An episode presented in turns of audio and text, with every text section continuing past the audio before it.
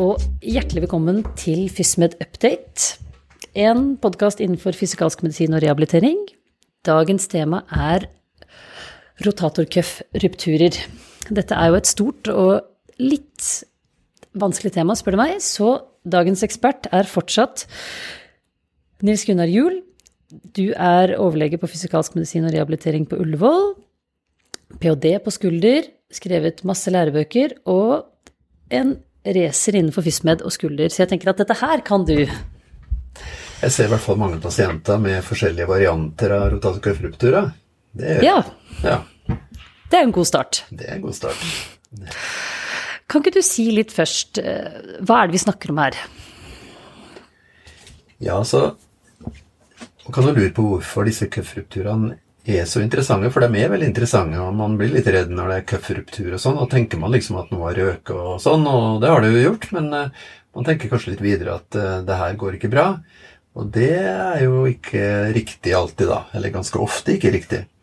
Fordi det som er med rotator køffrupturer, at det er litt annerledes enn når enkeltscener ryker. Det er mer en seneplate hvor det går et eh, lite hull, enten litt igjennom eller helt igjennom. Det hullet kan være større og mindre. Og affisere skulderfunksjonen mer eller mindre, da. Så det kommer veldig an på hva slags rotator cuff-ruptur du har, for hvordan eh, smerte du får, og for hvordan det går med skulderfunksjonen din. Ja. Og det er jo For deg er det nok veldig klart dette begrepet med rotator cuff, men kan du ikke kjapt bare beskrive det for eh, oss ikke så inni skuldernåløyet? Ja. ja, nei, jeg lurer jo litt sjøl av og til, fordi eh, når man prøver å se for seg den rotator cuffen, så er det ikke så veldig vanskelig. Det, det, er på en måte fire muskler som går ut fra skulderbladet, og så fester de seg på, på, eh, på overarmsbenet, så trekker disse musklene da overarmsbenet inn i leddskåla, og så gjør de rotasjoner av, av iglene og meralleddet, da, på en måte. Og så har du senene som de fletter seg sammen til en sånn plate, en seneplate, ikke sånne enkeltstående sener som jeg var inne på. Og så jobber de egentlig sammen, disse her fire musklene i da. Så det er veldig sånn samstemt, uh, fin gjeng. Um, de er ganske små, ikke så veldig sterke, så man tenker vel at du kan klare deg uten en av dem, eller deler av den ene, eller sånn. Så det er sånn samstemt uh, musikkorkester egentlig skal være da med som kan mangle noen spillere, for å si det sånn. og jeg husker du beskrev det på kurs en gang som at man skal mer tenke på det som et, som et nettverk. Eh, anatomisk så er det lett å se for seg disse tegnede, tydelig avgrensede scenene, men det er, det, det, de henger ganske sammen, gjør det ikke det? Jo da, det blir som å flytte fingrene sine sammen, liksom. Folde mm. hendene. Så tenker du at det, hvis det er en ruptur, så er det noe hull gjennom den der plata eller det nettverket da, som, som, du er inne på. Så det er, en, det er en fin modell, egentlig. Og det er vel flere Hvis vi tenker rupturer, da. Det er vel flere varianter av det? Ja, det er det jo. Og um, veldig mange av de klassifikasjonene som vi omgir oss med i muskel-skjelettsystemet, er jo basert på radiologiske funn. da. Slik at, eh, Og det, det er veldig riktig i skulderen, fordi uh, du ser jo ikke disse små rupturene i rotatorcuffen. Du merker jo ikke de, men de ser du på, på et høyoppløselig MR-bilde. Og da, da, får du sånne beskrivelser som at du har en partiell ruptur på leddsiden av rotatorcuffen, eller på busha-siden, eller interstitielt, som betyr inni rotatorcuff-scenen. Men det betyr egentlig at du har noen eh, MR-forandringer som vi ikke aner hva betyr, egentlig, da. Um, det er de partielle. Så har vi det som heter full, full tykkelseruptur. Og Det betyr egentlig at eh, det er hull rett gjennom dette nettverket, eller den seneplata som vi snakka om. Og de kan være bitte små, og de kan være store.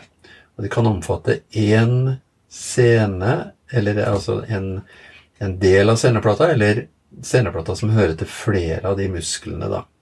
Så, så hvis det er full tykkelstruktur, så den typiske størrelsen er kanskje en centimeter opp til tre centimeter Eh, og den kan være sigdformet eller L-formet eller tverrstilt eller litt forskjellige former da, som er beskrevet på, på MR-bildene. Og Hvis du er riktig uheldig, så får du en såkalt massiv full tykkelsruptur, som da omfatter senedelen av flere av rotatorcuff-musklene, f.eks. typisk supraspinatus og infraspinatus, og kanskje også subscapularis, da, hvis du er, hvis du er riktig affisert. da. Full pakke der, altså, til slutt. Mm. Eh, ja. Litt om Altså, hvordan skjer dette? Er det bare traumatisk? Altså Det vi ser på vår poliklinikk, da, fysikalsk-medisinsk poliklinikk, er jo stort sett atraumatiske.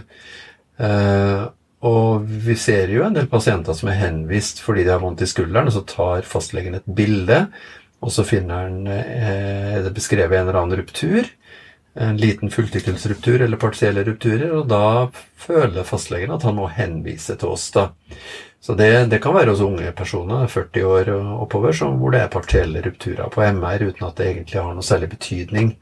Så øh, det er gjort en del studier på skulderfriske og på, på befolkninga generelt som viser at øh, det er økende grad av rotatorcuffrupturer med alder. Nokså lineær sammenheng med alder, faktisk. Så, så, det kommer nok med alderen. Det grått hår, grått hår inni skulderen, dessverre. Sånn er det. Ja, det, som så mye annet. Det er godt vi ikke ser inni oss. men, eh, men, bortsett fra alder, hva, hvem ellers får dette? Ja, det er litt forskning på det. Um, og det, uh, det som man har mest holdepunkter for, er at det er genetisk disposisjon. Da. Altså, ja. Det er en studie som ser at uh, hvis du er over 60 år, så har du fem ganger så høy sjanse for å ha fulltykkelser og tatokuffruptur som hvis du er under 60 år. Det er jo ganske stor økt eh, risiko. Eh, og hvis du har en førstegradsslektning som har en rotatokuffruptur, så har du tre ganger så høy risiko hvis du er under 60 år. Så da øker risikoen. Og det er tolka til at det er genetiske forskjeller da, blant folk som bestemmer eh, det her sånn når det gjelder risikofaktorer.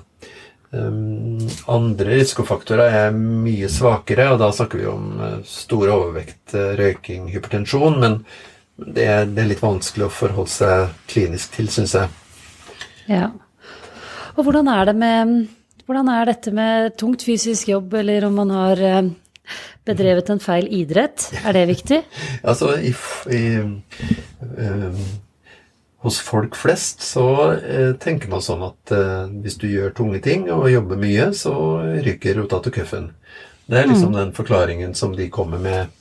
Men eh, det er vel ikke noe som er vist på noen måte. Altså, eh, det vi har sett kanskje mest, er hos folk som driver mye overarmsidrett, og kanskje spesielt håndball, eh, som har mange radiologiske forandringer i skulderen sin. Og, og de har jo også litt mer vondt i skuldrene.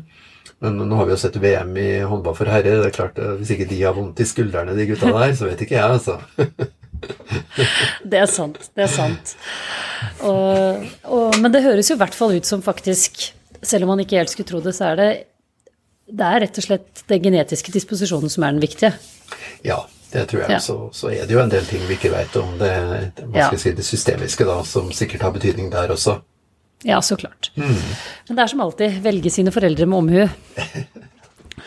Men eh, hvor, hvor, vanlig er dette, da? Eh, på skulderpoliklinikken føler vi at dette er en eh, folkesykdom? Ja, ja vi ser dem jo hver dag. Nei, vi, vi, så jo på en ettårskohort hos oss og fant at vi, har, vi hadde 8% av skulderpasientene våre hadde full tykkelseruptura som ga symptomer ved vår fysikalsk-medisinske poliklinikk. da. Og klart økende med alder, hyppigst diagnose over 70 år. Eh, sammen med artrose, eh, og sjelden under 60 år, da. Hvis det ikke har vært noen skader og andre ting inne i bildet. Så det er eh, typisk i en sånn spesialistpoliklinikk, eller i og for seg i en, i en vanlig allmennpraksis også, tenker jeg, for, for med skulderpasienter. Så hvis du, kanskje hvis du ser på generell befolkning, så er det gjort noen studier i Østen hvor du finner kanskje rundt 10% med full tykkelse rotatorcuffruptura på MR i den generelle befolkninga eh, over 60 år. Så det er, eh, det er vel sånn i alle befolkningsgrupper at går over 60, så begynner det å rakne litt. over 60 så må vi slutte å ta bilder, egentlig. Nei da. Men eh, hva, ja, du har jo vært bitte litt inne på det, men altså hvilke Hvordan plager dette folk? Mm. Altså et Røntgenbilde er jo ikke diagnosen. Nei. Nei, og det, det, er jo som alle skulderplager, egentlig, at det er smerte. Det er smertefullt. Og uh, dette er jo ofte eldre folk, og det, det, da er det jo vanskelig å gjøre daglige aktiviteter, da, som å selge håret og kle seg og uh, gjøre husarbeid osv. Hvis folk begynner å komme over 70 og oppover, som, som mange har problemer med. da. Så det er veldig plagsomt, og det er vondt om natta, og du sover ikke ordentlig. og det er en veldig plagsom tilstand for mange. Eh, mens kanskje svakheten som vi tenker eh, kan være ille når du, når du ryker noen sener inn i skulderen, så, så syns jeg ikke at det er så Folk klager ikke så mye på at de er svake, egentlig. Det er smertene som er plagsomt.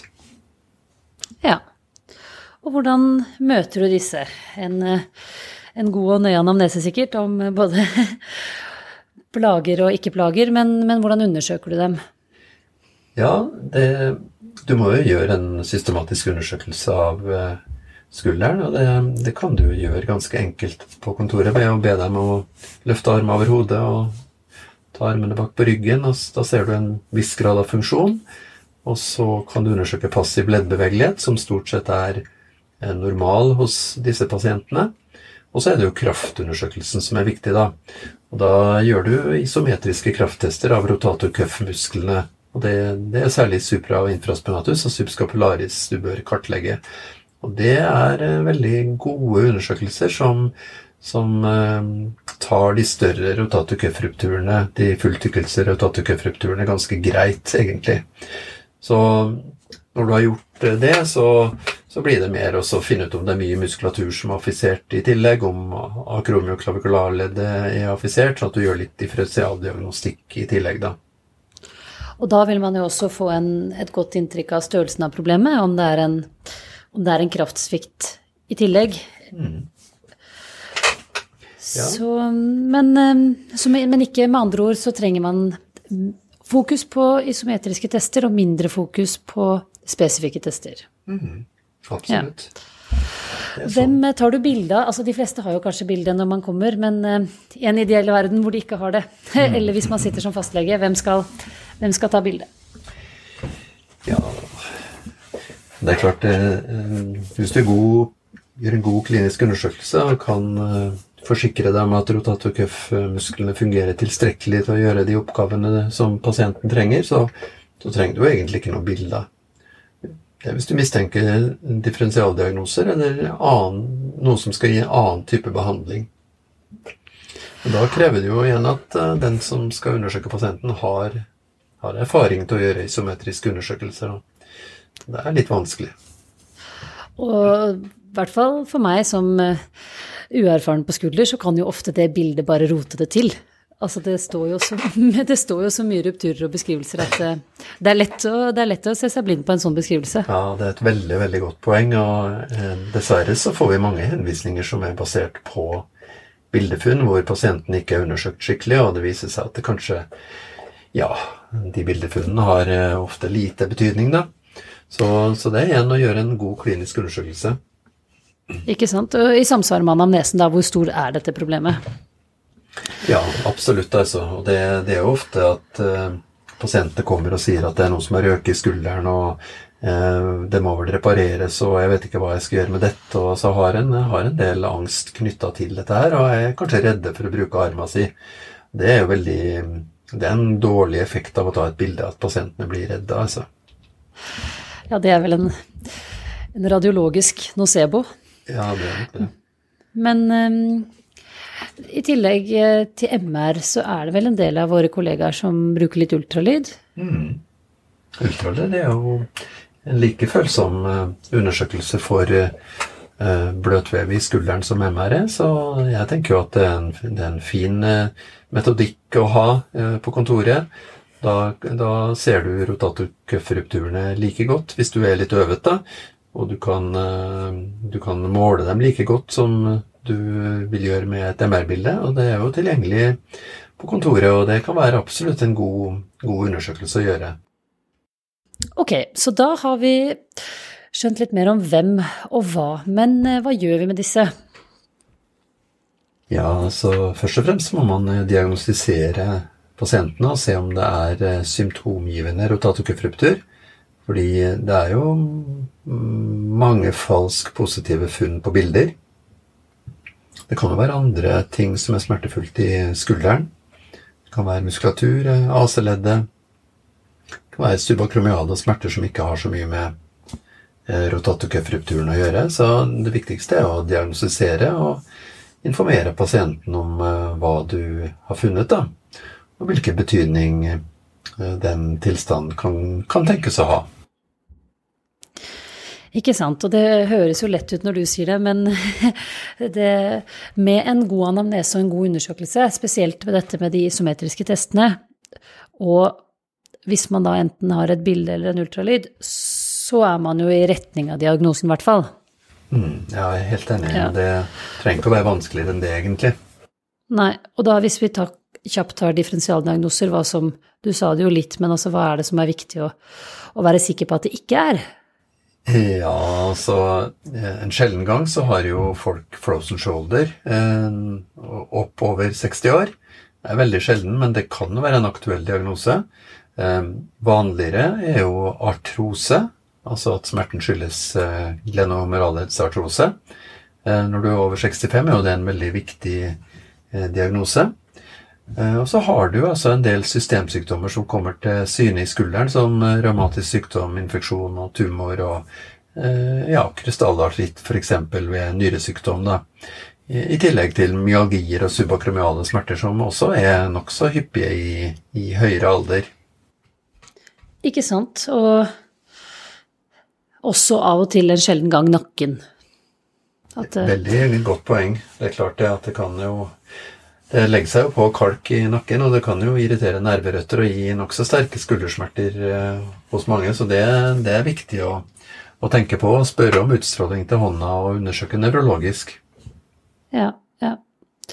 Men da har vi i hvert fall fått oss en uh, sånn cirka følelse av at dette er diagnosen. Og hva, hva gjør vi da? Ja, så Pasientene er jo, eh, i tillegg til å få informasjon, så er vi opptatt av å redusere hovedsymptomet sitt, som er smerte. da. Så, så jeg tenker at det er, en, eh, det er et godt første mål å redusere smerten.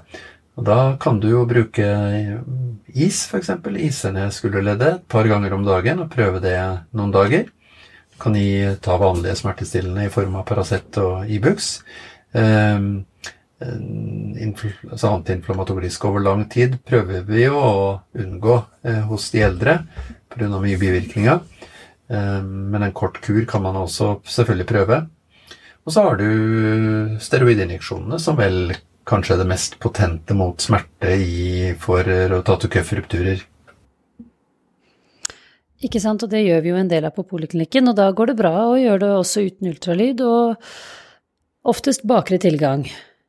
Ja, det er nokså enkelt å, å, gå inn eh, to-tre centimeter under bakre hjørne på akromion, og så rette spissen mot processus coracoideus og sette injeksjonen der inn i, inn i dypet der. Og vi vet jo også at det er en stor systemisk effekt av disse injeksjonene som man ikke akkurat treffer inn i subakromialrommet eller inn i leddet, så spiller ikke det så veldig stor rolle. Du får god effekt allikevel. Så det å gi en sånn injeksjon eller to, det, det er ikke vist at det eh, reduserer kvaliteten i rotatorcuff-scenene på noen måte, eller gir noen eh, langtidsbivirkninger. Det er ganske lite medikament du, du setter inn, så det skal man ikke være noe redd for, egentlig. Nei, og noen ganger så kan jo det kurere en topp, som gjør at man lettere kan eh, komme litt videre. Men ja. um, hva tenker du om trening, da? Fysioterapi? Ja, nei, så Du var jo veldig fint innpå det der. altså ta bort, eh, Hvis du tar bort den der skarpe smerten som mange har, da, altså tegnestiften som jeg pleier å kalle det, eh, mm. sånn at folk kan begynne å bruke armene sine litt, så kan de også gjøre funksjonsforbedrende øvelser. da. Eh, og da eh, er det jo fint hvis eh, både fastlege og vi andre leger kan gi noen enkle øvelser. Ehm, men hvis ikke vi kan det, så har vi jo veldig mange flinke fysioterapeuter som, som kan hjelpe pasienten med å komme i gang med øvelser. da. Så, så det kan jo være det de fleste tyr til, er også be pasienten oppsøke en fysioterapeut, tenker jeg da. Ikke sant. Ja. Så både informasjon om det å at det ikke er farlig å bruke den, og så smertestille den pågående smerten, i hvert fall i en viss grad, og så prøve å komme i gang og bruke, bruke leddet. Ja. Tre, tre ja. viktige, viktige, punkter som man bør gjøre, altså. Og prognosen, da? Hvordan går det med går det med? Det er jo, hvis, som du sa innledningsvis, dette er jo en litt heterogen, heterogen diagnose, men sånn røftlig. Ja, ja, ja. Alle, alle dør vi til slutt. Sånn? Klassisk. Mors ja. rotatorcuff, ja. Nei, altså det, det, er jo som eh, Så skulderfriske får jo stadig større rotatorcuff-rupturer med alder, og det er jo sånn, sånn, det ofte går, at det, det blir jo litt økning i størrelsen, og heldigvis så har vi litt uh, mindre funksjonskrav til skuldrene våre. Så at uh, tenker vi smerten er borte, så gjør det ikke så veldig mye om den rotatorcuff-rupturen er der, eller blir litt større eventuelt. Så, så prognosen, den er Det går sakte, men sikkert litt degenerasjon i rotatorcuffen. Og det, det, er ikke sånn at det går mot protese for alle, eller at det, det, det blir helt ubrukelig arm. Det gjør det ikke. Um, og hvem er det du vurderer kirurgi hos? Det har jeg syntes har vært litt vanskelig. Ja, det syns jeg er veldig vanskelig òg. Um, du kunne jo tenkt deg at uh, det her kan vi jo lappe sammen, og så blir skulderen så god som ny. Mm. Det har jo vært sånn at uh, over de siste seks, syv, åtte årene, eller ja, ti årene, så, så er jo antallet rotatorcuff-suturer som gjøres, operasjoner, den, det er tidobla faktisk i vestlige verden. Så det er en voldsom økning i kirurgi av her. Og det, det, har vært en sånn økning uten at det egentlig har foreligget noen gode studier som viser at kirurgi gjør eh, situasjonen for pasienten særlig mye bedre. Så, så, de studiene vi har, de er egentlig utført eh, og publisert fra ja, 2009 og fremover til eh, i dag. Og vi har egentlig bare tre gode randomiserte eh, studier på, på ikke-traumatiske full tykkelsruptur av rotatorcuffen. Så det er, eh, det er dårlig studert, og jeg tror nok at kirurgien kanskje blir mindre fremover. Det, det bør den jo i hvert fall sånn resultatmessig, da, tenker jeg.